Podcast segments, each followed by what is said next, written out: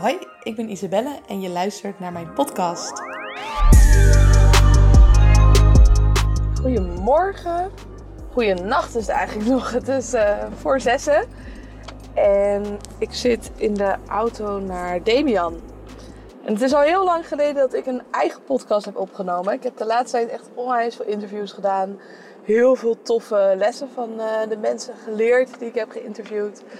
Maar ik uh, kreeg van een heleboel mensen te horen van... joh, wel je individuele podcasten zijn mega waardevol. Uh, wat, wat, wat is daarmee gebeurd? Ja, het is eigenlijk mee gebeurd. Ik, uh, want natuurlijk, ik heb zoveel interviews gedaan. Dat is echt als dat balletje is gaan rollen. En dat, nou ja, dat, dat, dat gaat echt als een sneeuwbaleffect. Zo hard als dat gaat. Met de toffe namen die allemaal voorbij komen. Mensen die mijn podcast willen. Dat ik zelfs, nou ja, de rem er even op heb gezet. Uh, dus iets minder voor overleunen als het gaat om uh, nieuwe mensen regelen voor mijn podcast. Ja, ik zit in de auto nu naar Demian en ik dacht laat ik weer eens een, uh, een, podcast voor jullie opnemen. En ook om jullie even te vertellen waar ik dan mee bezig ben. Want in mijn podcast vertel ik ook vaak waar ik mee bezig ben, wat door mijn hoofd gaat.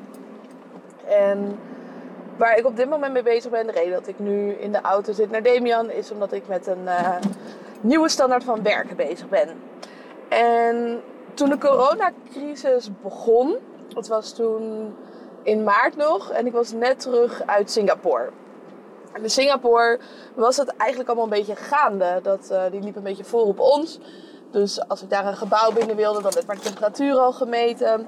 Mensen waren al met mondkapjes aan het lopen en wat voorzichtiger dan hier. En dat komt denk ik ook omdat ze wat dichter bij China zitten. Dus ze lieten al geen Chinees meer toe in het land. En toen kwam ik terug in Nederland en ik hoorde al dat Italië in lockdown was. Ik dacht, nou, het is een kwestie van tijd voordat Nederland natuurlijk gaat joinen daarin. En was toen op zaterdag in de sportschool.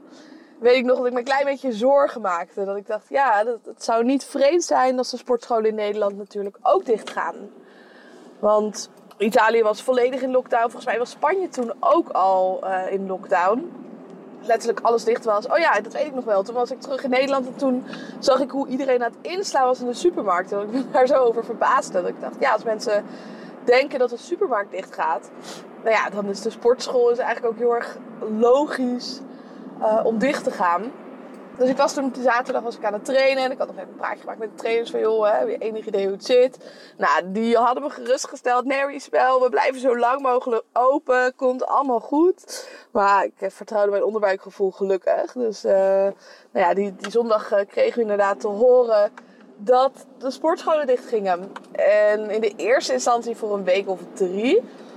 Maar ik had niet het idee dat het bij een week of drie zou blijven. Hè? Als je natuurlijk kijkt naar de trend in de andere landen, dan um, nou ja, moeten we er niet van uitgaan dat uh, de sportscholen snel open zullen gaan. Dus we kregen dat nieuws. En nou ja, ik zag het als een soort van tegenslag, mini-tegenslagje. En ik heb al heel veel tegenslagen in mijn leven gehad. En ik merk dat ik daar op een bepaalde manier mee omga. Dus ik sta mezelf eerst even toe om heel erg te balen.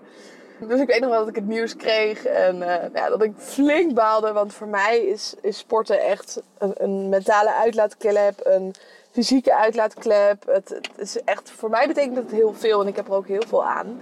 Dus ik vond het wel lastig dat het dicht was. Zeker ook omdat ik naar een wedstrijd toe aan het werken was. En ik ging er eigenlijk ook al vanuit dat hij niet meer door zou gaan.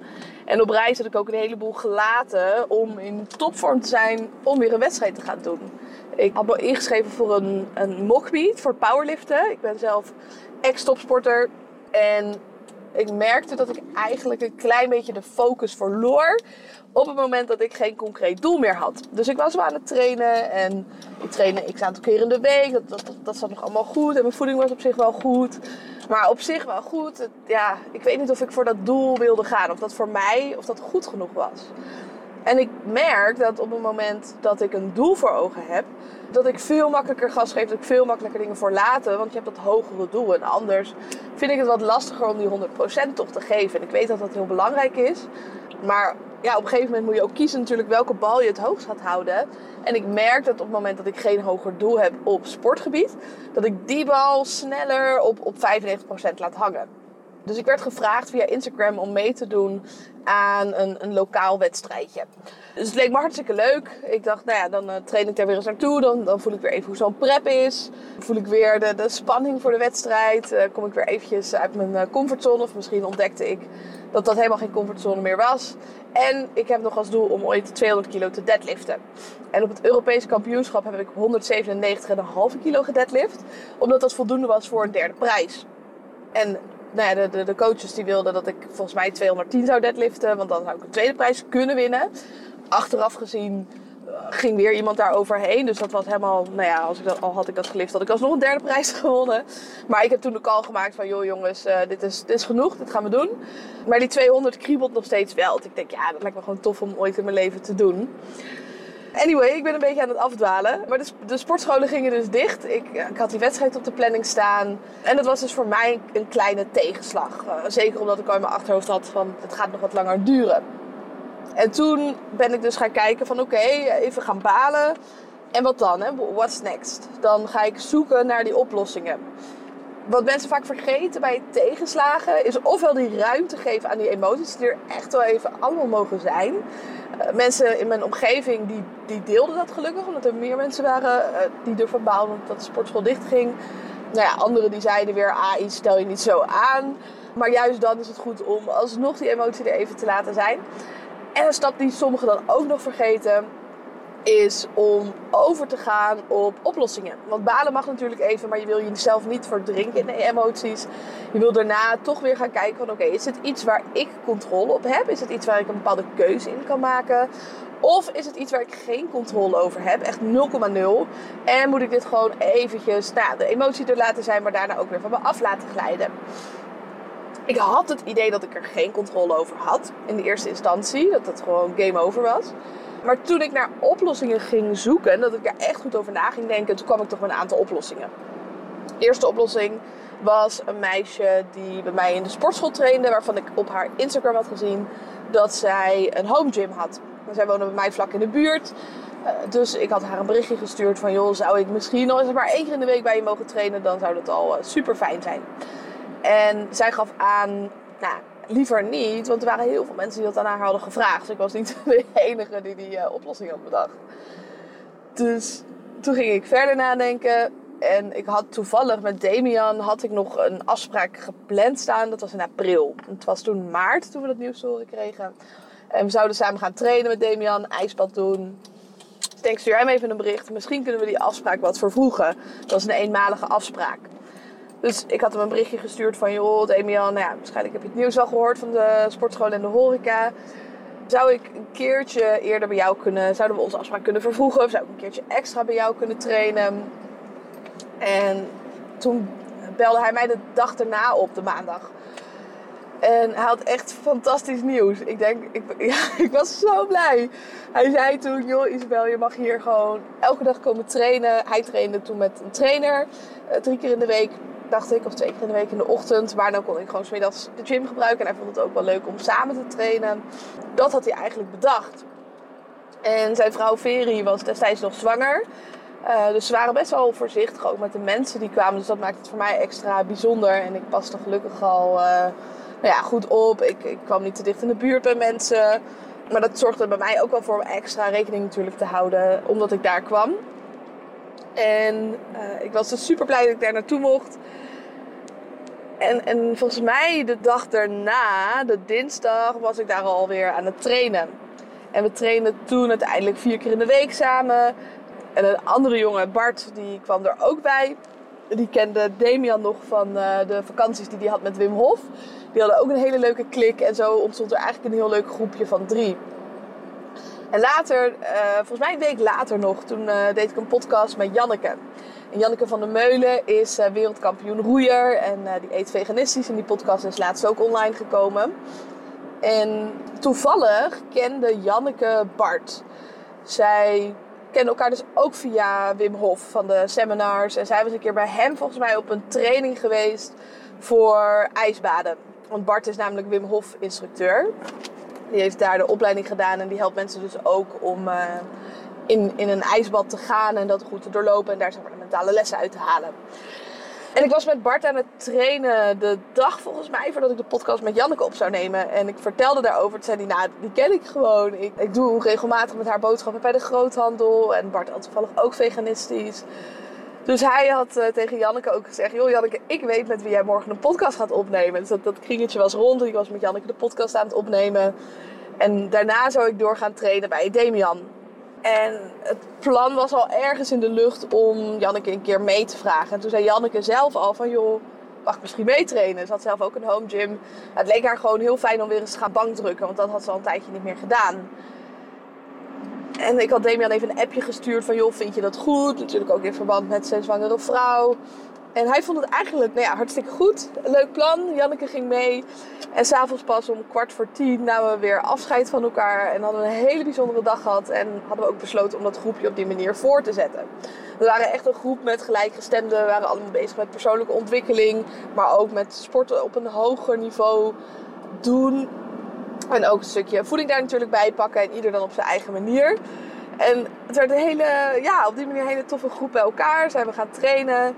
En op een gegeven moment waren ik en Damian ook met elkaar aan het sparren. En, en kregen we ook een idee op businessvlak om daar wat mee te doen.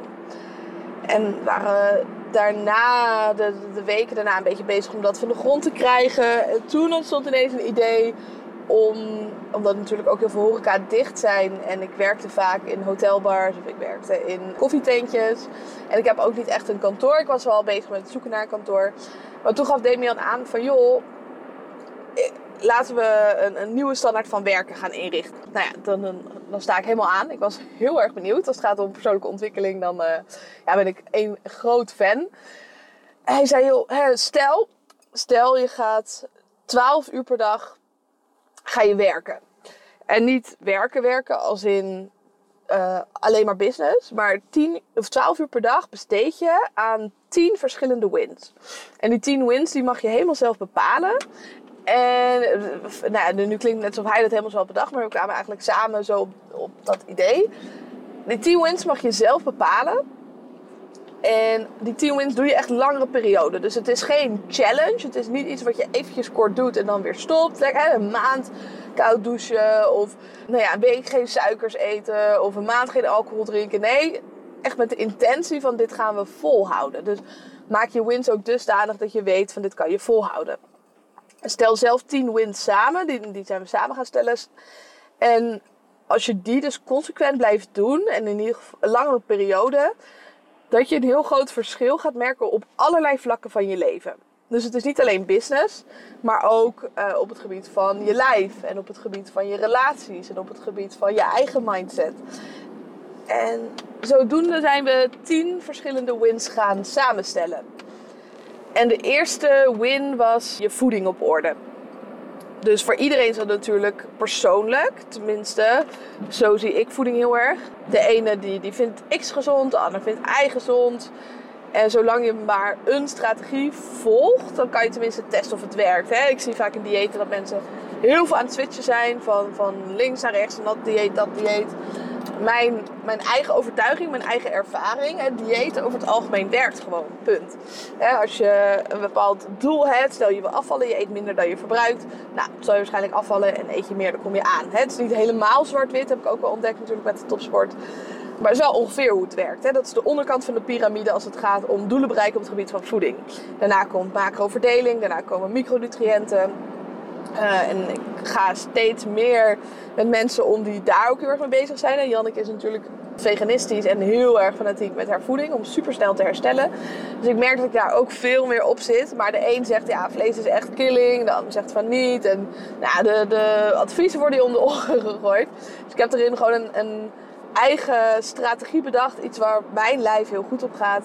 Dus wat, wat voor mij heel goed werkt, is niet te veel koolhydraten uit uh, brood, uh, uit pasta, uh, dat soort dingen. De bewerkte koolhydraten, daar ga ik niet lekker op.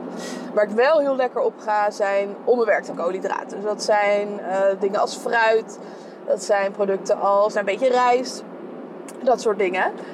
Dus dat stukje die, die, voeding, maar ook de, de groenten. Dus 200 groenten per dag noem ik ook voeding op orde. Voor mij ook voldoende eiwitten binnenkrijgen. Dus wel dat stukje vlees. Maar niet per se bij elke maaltijd dus vlees eten. Wel met, met mate. ook de, de andere producten, wat ik van Janneke heb geleerd, is dat we eigenlijk grofweg een top 5 hebben. En die top 5, dat doen we al, al jaren in de, in, het, in de historie van wat we aten. Alleen nu niet zoveel meer. Dus bepaalde producten, je kan ze nog steeds in de supermarkt verkrijgen. Maar eten we nauwelijks meer. Dus dat zijn de top 5 zoals zij hem stelt, is fruit. En fruit staat echt met stip op 1. Dan mag je van haar zoveel eten als je wil. En dan zeg ik van haar, maar ze heeft haar theorie echt gebaseerd op meta-analyses van de wetenschap. Dus meta-analyses, dat zijn analyses die meerdere onderzoeken samennemen en langdurige onderzoeken. Dus hè, fruit staat stipt op één, mag je lekker veel van eten. Daarom zie je ook vaak bij kinderen dat ze zoete cravings hebben. Dat dat eigenlijk heel natuurlijk is. Zo. Ik, uh, zit in de auto en er zit behoorlijke zon in mijn, uh, in mijn gezicht. Dus ik moet even heel goed uh, ook opletten. Maar ik zal jullie zoveel mogelijk informeren over, over die top 5. Want ik denk dat het voor jullie ook wel waardevol is. En voor mij was het in ieder geval een mega blinde vlek. Dat ik dacht, oh ja, ik, ik eet dan heel netjes twee stuks fruit per dag. En ook niet te veel meer, want die suikers. Maar omdat fruit in combinatie, hè, suikers in combinatie met vezels is, krijg je daar niet zo snel die kick van. Die, die, die insuline spikes. En geeft het je best wel veel energie. En dan merk ik ook dat ik me echt super lekker voel. Dus het is nu uh, inmiddels wel ochtend, 6 uur. En ik, ben kip lekker. Ik heb uh, mijn groene smoothie genomen. Ik heb een, een eitje gehad. En ik ben echt ready to go. En ik heb iets minder geslapen dan ik wilde, 7 uur. En toch ben ik fit en energiek. Anyway, één is fruit. Twee, uh, uit mijn hoofd is een bladgroen. En bladgroen is goed voor je in kleine mate. Dus het is een soort medicijn. En op het moment dat je er een beetje van neemt, is het heel gezond. En op het moment dat je er te veel van neemt, nou, niet, vindt je lichaam dat niet zo fijn. Dus daarom mensen die echt kilo's groente wegwerken, zeker veel bladgroen, die gaan er niet heel lekker op. En de volgende, nummer drie, is... Misschien hou ik ze door elkaar kiemen. Maar ik dacht dat dat uh, nummer drie was. En op zich maakt het top 5 natuurlijk ook niet uit hoe je hem inricht. Als je maar die vijf dingen elke dag eet. Vijf, vier, morgen. drie is kiemen. Dat had ik echt al jaren niet meer gegeten. Ik weet nog wel dat mijn zus dat vroeger wel at. Want die had niet zo heel veel groente. Maar dat vond ze op de een of andere manier heel lekker. Nou, drie is dus uh, kiemen. Vier is zeewier uit mijn hoofd. Of vijf is uh, zeewier. Oh, verse kruiden staat op vier. Had ik ook bijna niet. Ja, ik had munt, nam muntthee. Maar ik denk niet dat dat telt. Dus verse kruiden en vijf is dan zeewier, zeekraal, dat soort producten. Nou, als ik keek naar mijn huidige dieet, de, eerste keer dat ik met haar sprak, nou, kwam dat, de fruit zat erin en bladgroen af en toe. Hè. Als ik een courgette, dat, dat valt dus niet onder bladgroen. Dus mijn voeding kon daarin echt wel een upgrade gebruiken. Dus voeding namen we mee in een van de, van de wins. Nummer twee, krachttraining. En dat hoeft dus niet elke dag. Uh, dus de wins zijn ook niet ingestoken dat je elke dag die 10 wins moet doen. Ik, we geven onszelf ook een cijfer aan het einde van de dag. En als dat maar voldoende is. Uh, dus wees daarin ook niet te streng voor jezelf. En de wins zoals ik ze heb opgesteld is natuurlijk ook op basis van dingen die ik al langer doe.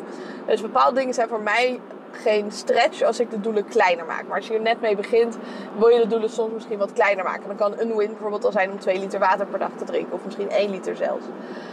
Maar nummer 2 is krachttraining. Dus ik doe nu vier dagen in de week krachttraining. En ik ben ook begonnen met een personal trainer. Om net even wat meer uit mijn trainingen te kunnen halen. En dat bevalt eigenlijk heel erg goed. Die kan mijn blinde vlekken heel goed zien. En in de topsporttijd was het heel vanzelfsprekend dat ik een trainer had. Toen dacht ik, ja, maar mijn lijf is nu net zo belangrijk natuurlijk. Het is net zo belangrijk voor mij om geen blessures te krijgen. Het is net zo belangrijk voor mij om sterker te worden. Dus ben ik aan de slag gegaan met een personal trainer. Het leuke is ook van een personal trainer is dat hij heel veel succesvolle ondernemers ook traint of heeft getraind. En als je kijkt naar de quotes die een heleboel mensen hebben op het gebied van succes, zeggen ze altijd: ja, je moet het wiel niet opnieuw uitvinden. Maar ook doe wat succesvolle mensen doen. En heel veel succesvolle mensen, of mensen die in mijn ogen succesvol zijn, dus ik zal het iets beter formuleren, die hebben een trainer. Of die hebben in ieder geval mensen om hen heen verzameld die bepaalde lasten van ze ontnemen. En ik merkte dat trainen, ik zou het geen last noemen, maar soms wel discussie veroorzaakt in mijn hoofd. Van oké, ga ik net wel dat setje doen, net niet. En ik heb een krachtige mindset, dus het lukt me uiteindelijk om het wel te doen. Maar het is wel energie wat het kost. Op het moment dat je een trainer hebt, ben je in ieder geval niet meer die energie kwijt aan jezelf motiveren. Dus ik ben nu dus uh, ben een trainer gestart. Uh, ik heb weer een trainingsschema en krachttraining is een van de wins die we doen. Nummer drie is ijsbad uh, of koud douchen. Dus ik heb met Damian, ik heb hem leren kennen via mijn podcast. En toen zijn we samen in een ijsbad geweest. En voor mij was dat de allereerste keer dat ik in een ijsbad ging. En ik dacht, nou wat nou als je dat elke dag zou doen. Of in ieder geval ook elke dag koud zou douchen. Dus die zit ook bij de Wins, de sauna. Hij heeft een fantastische sauna laten bouwen. En thuis heb ik ook een sauna. Dus het is zeker mogelijk om dat vaker te doen. Dus die zit ook bij de 10 Wins. Mediteren zit erbij. Uh, qua tijd hebben we daar niks aan gehangen nog. Je zou kunnen zeggen, nou in ieder geval 5 minuten per dag. 5 minuten per dag letterlijk niks doen. Kijk meestal hoe het loopt. Ik doe het in combinatie met ademhalingsoefeningen. Volgens mij hebben we die niet als een van de wins erbij gezet. Dat de vorm denk ik van meditatie ook is. Uh, of vooral van de meditatie. Of, ja, dat we het eerst doen en dan mediteren. Een van de andere wins is ook om te stretchen. Dus je spieren wat losser te maken, mobiliteit te vergroten en ook een stukje blessures voorkomen, zoveel mogelijk. Een van de wins is ook een uh, omzetverhogende activiteit. Dus uh, ik en Damian hebben allebei ons eigen bedrijf. En ook zijn we bezig om bedrijf samen op te zetten. En stel dat je elke dag dus een omzetverhogende activiteit doet. Dat doe je een jaar lang. Nou, crazy wat dat voor je bedrijf gaat doen. En op het moment dat je geen ondernemer bent, kan je natuurlijk ook wat anders hiervoor kiezen. Ik uh, doe deze wins ook met mijn eigen klanten. En die bedenken ook andere dingen. En het is heel tof ook om van elkaar te leren op die manier. Een van de andere wins is om te lezen. En dan een x aantal bladzijden of x aantal woorden. Uh, en ook om te schrijven. Dus ook een x aantal woorden te schrijven. En voor mij zijn dat 1500 woorden per dag. En misschien is dat voor jou anders. En dat mag van alles zijn. Dus dat mag schrijven in mijn journal zijn, over dankbaarheid. Maar dat mag ook content zijn. Dus eh, mijn mail. Ik merk ook dat ik veel meer mail schrijf naar mijn maillijst. Over nou ja, de dingen die ik doe, de inzichten die ik krijg. En uh, ja, ik merk ook dat dat heel goed wordt opgepakt. Een andere win. Ik zit er al bijna aan, denk ik. Ik had, we moeten oh ja, 10.000 stappen per dag zetten. Dat uh, is ook een van de wins. En Damian die woont uh, aan een hele grote plas. En daar lopen we dan één rondje omheen en dan zit je er eigenlijk al aan. Dus die gaat relatief gezien gemakkelijk af. En we zijn ook echt bezig om deze manier van werken, de 10 wins, te testen. Dus wat je niet wil, meestal als je iets van persoonlijke ontwikkeling gaat doen, vind ik, is dat je iets doet en dat dat the way to go is. En mensen pretenderen wel eens, bepaalde coaches, van ja, je moet echt dit doen of je moet dat doen. En daar ben ik het niet mee eens. Er is geen gouden formule als het gaat om mindset. Je moet echt iets gaan doen wat bij jou past. En misschien passen deze 10 wins helemaal niet bij jou. En ik ben het daarom ook aan het testen voor mezelf. Om te kijken van wat, wat past er nou bij mij en, en waar ga ik lekker op. Dus wat ik al eerder noemde, ik, ik ben heel vroeg opgestaan. Ik had namelijk altijd de overtuiging, ik ben geen ochtendmens. Ik wist niet of ik een avondmens was, maar ik hoorde dan wel eens van die ondernemers die dan om vijf uur op gingen staan. Nou, ik had, voor mezelf bedacht, dat was ik niet. Dus het was voor mij al interessant om die overtuiging te gaan uitdagen. En ik merkte eigenlijk van, nou, dat vijf uur opstaan, dat gaat me eigenlijk gemakkelijk af. Het scheelt ook dat het al licht is. Maar dat, dat is al iets wat ik dus heb getackeld voor mezelf, wat ik al heb geleerd. Maar waarvan ik ook heb gemerkt, en voor sommige mensen is vroeg opstaan echt magisch. Die krijgen vele malen meer werk gedaan in de ochtend. Ja, zijn super productief. Ik heb dat zelf nog niet ervaren. En ik vind het daarom dus belangrijk om dingen echt te testen. Dus daarom blijf ik het nog doen. Ook al merk ik nog niet 100% de voordelen daarvan. Natuurlijk wel dat je eerder begint. Maar niet dat ik denk, oh my god, ik krijg zoveel meer gedaan. Dat, dat merk ik zelf niet. Uh, dus ik ben nu een maand hiermee bezig. Ja, ja, een maand zijn we dit aan het testen. En ik noem het dus daarom ook testen. En op basis daarvan schaven we bij. Dus in de eerste instantie begonnen we ook om 7 uur s ochtends. Toen zijn we gaan bijschaven. Want ik, het leek mij cool om ook wat eerder te beginnen om te kijken wat dat deed. Dus ik sliep daar ook door de week. En dat ging tot op zekere hoogte heel goed. Op zich kreeg ik genoeg gedaan. Want we konden, zodra ik opstond, konden we dan beginnen. Dus vijf uur stond ik op, konden we meteen aan de slag. Maar meestal gingen we dan eerst wandelen en mediteren en dergelijke. Dus ben je nog niet echt in de game op het gebied van werk. Het is wel fijn om aan het begin van de dag te mediteren aan de ene kant, want je hoofd is nog rustig. En aan de andere kant heeft het in mijn ogen daarom iets minder zin. Het is makkelijker om mee te beginnen. Maar als je eerst gaat werken en dan mediteren, dan heb je al wat werk gedaan. En gebruik je de meditatie om bij te komen van het werk. Dus het is net iets anders qua insteek. Dus dat zijn we ook gaan bijschaven. Toen merkte ik wel echt een verschil. Toen, toen we dat gingen omdraaien, ik ochtends wel begon met werken. Maar omdat het grootste gedeelte van mijn eigen werkzaamheden bestaat uit klantgesprekken voeren, natuurlijk ook wel content maken, maar ook video's opnemen.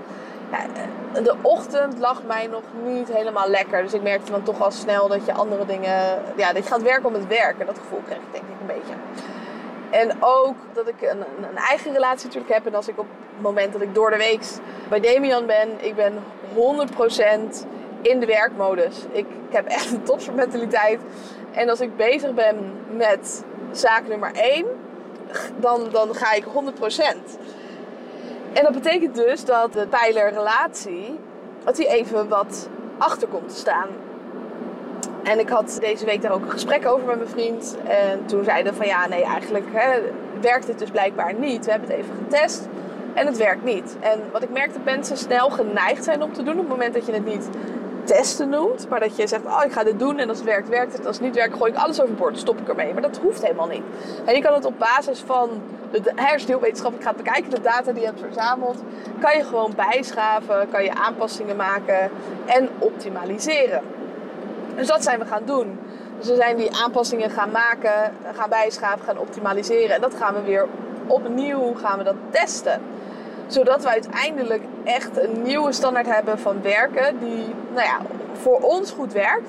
En ook dan, ik zal het natuurlijk met je delen tegen die tijd wat daaruit komt. Maar ook dan wil je dat voor jezelf blijven testen wat er voor jou werkt. Want wat voor mij werkt, hoeft voor jou helemaal niet te werken. En wat voor mij werkt, werkt misschien ook weer niet voor Damian.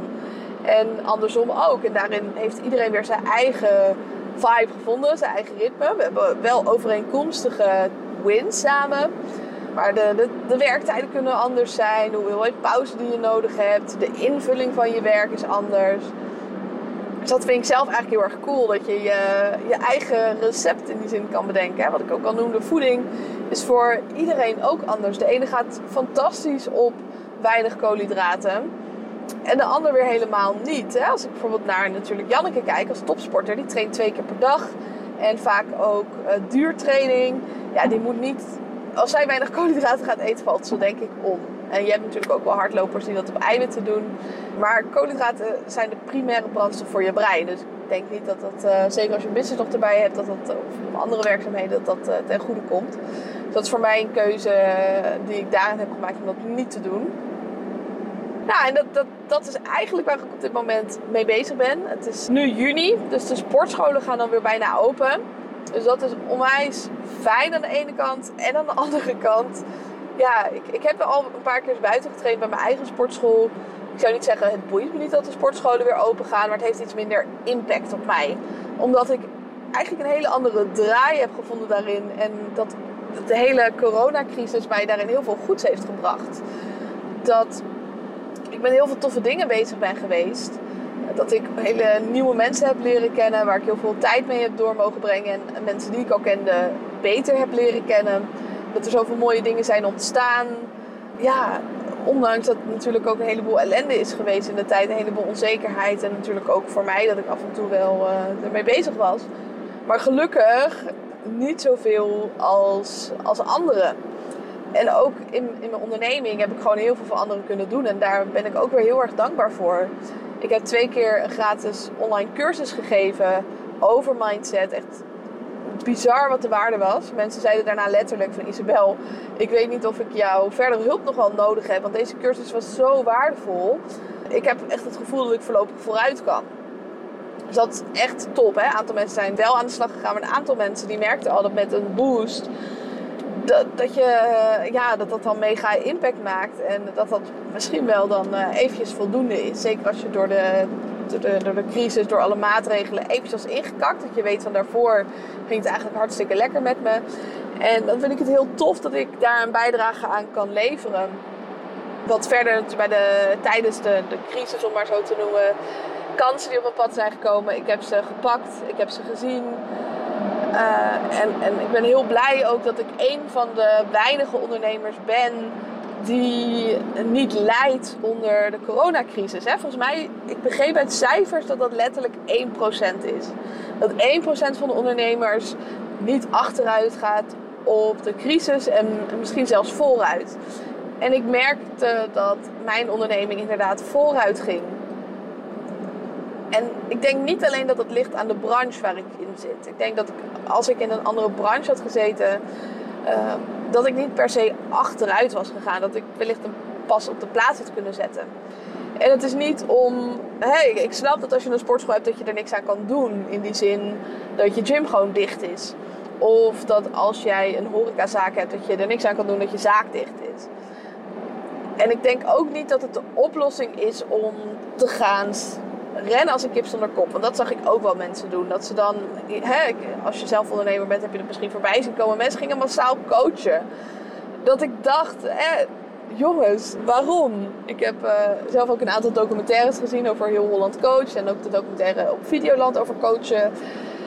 We moeten niet met z'n allen gaan coachen, echt niet. En het is geen beschermd beroep, dat weet ik. Maar het is alsnog geen goed idee met z'n allen te gaan coachen. Want het is best wel heavy natuurlijk. En je moet ook bepaalde signalen echt wel opvangen. Ik ben zelf natuurlijk psycholoog.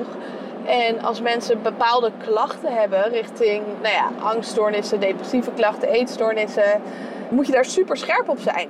Want als je dat niet bent, dan is het echt gevaarlijk.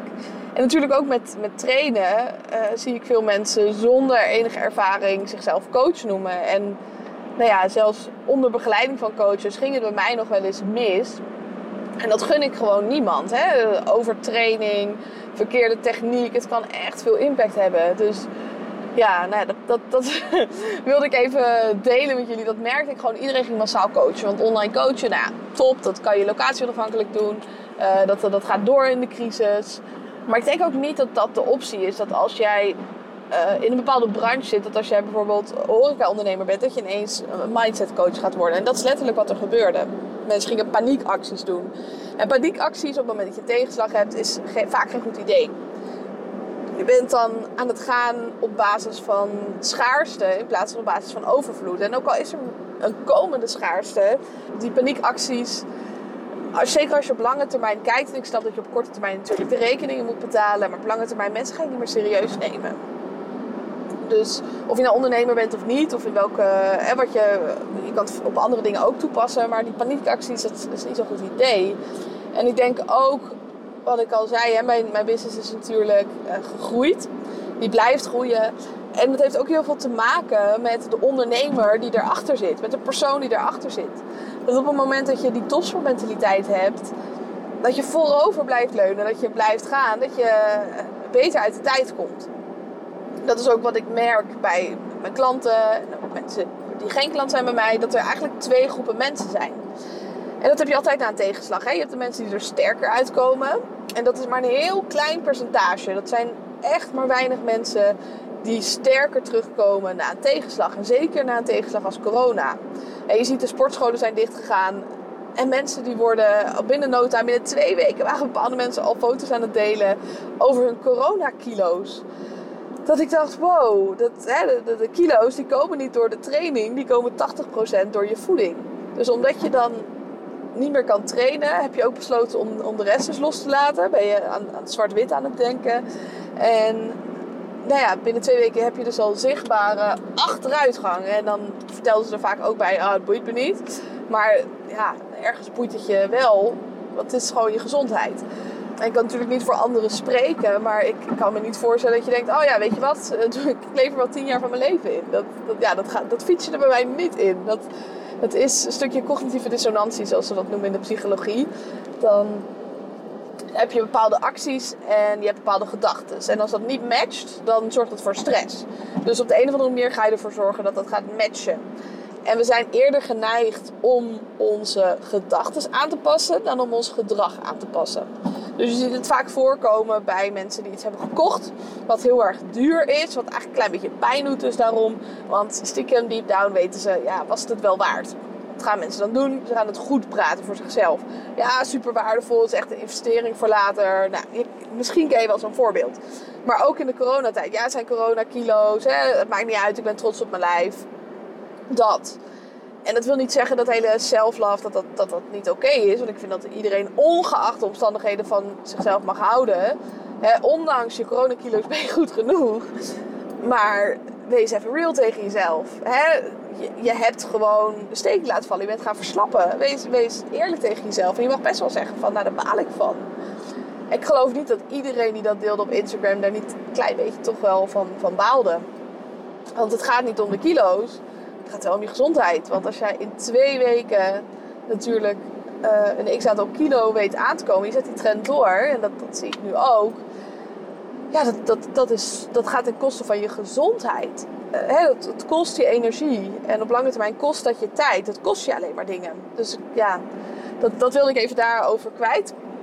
Um, maar er zijn dus twee groepen mensen. Mensen die sterk uitkomen, mensen die er minder sterk uitkomen. Niet alleen op het gebied van fysiek, ook op het gebied van je mentale gezondheid. We slapen op dezelfde plek dat we eten, op dezelfde plek als dat we werken. Alles loopt een beetje door elkaar. En op het moment dat jij zelf daar geen goede weg in weet te vinden, dan mis je structuur, ben je minder productief. En dat is ook iets wat ik merk bij de mensen om me heen. En ook dat ik merk dat de mensen die ik begeleid, daar gelukkig minder last van hebben. Of eigenlijk, nou ja, in het begin even zoekende waren, maar nu geen last meer van hebben.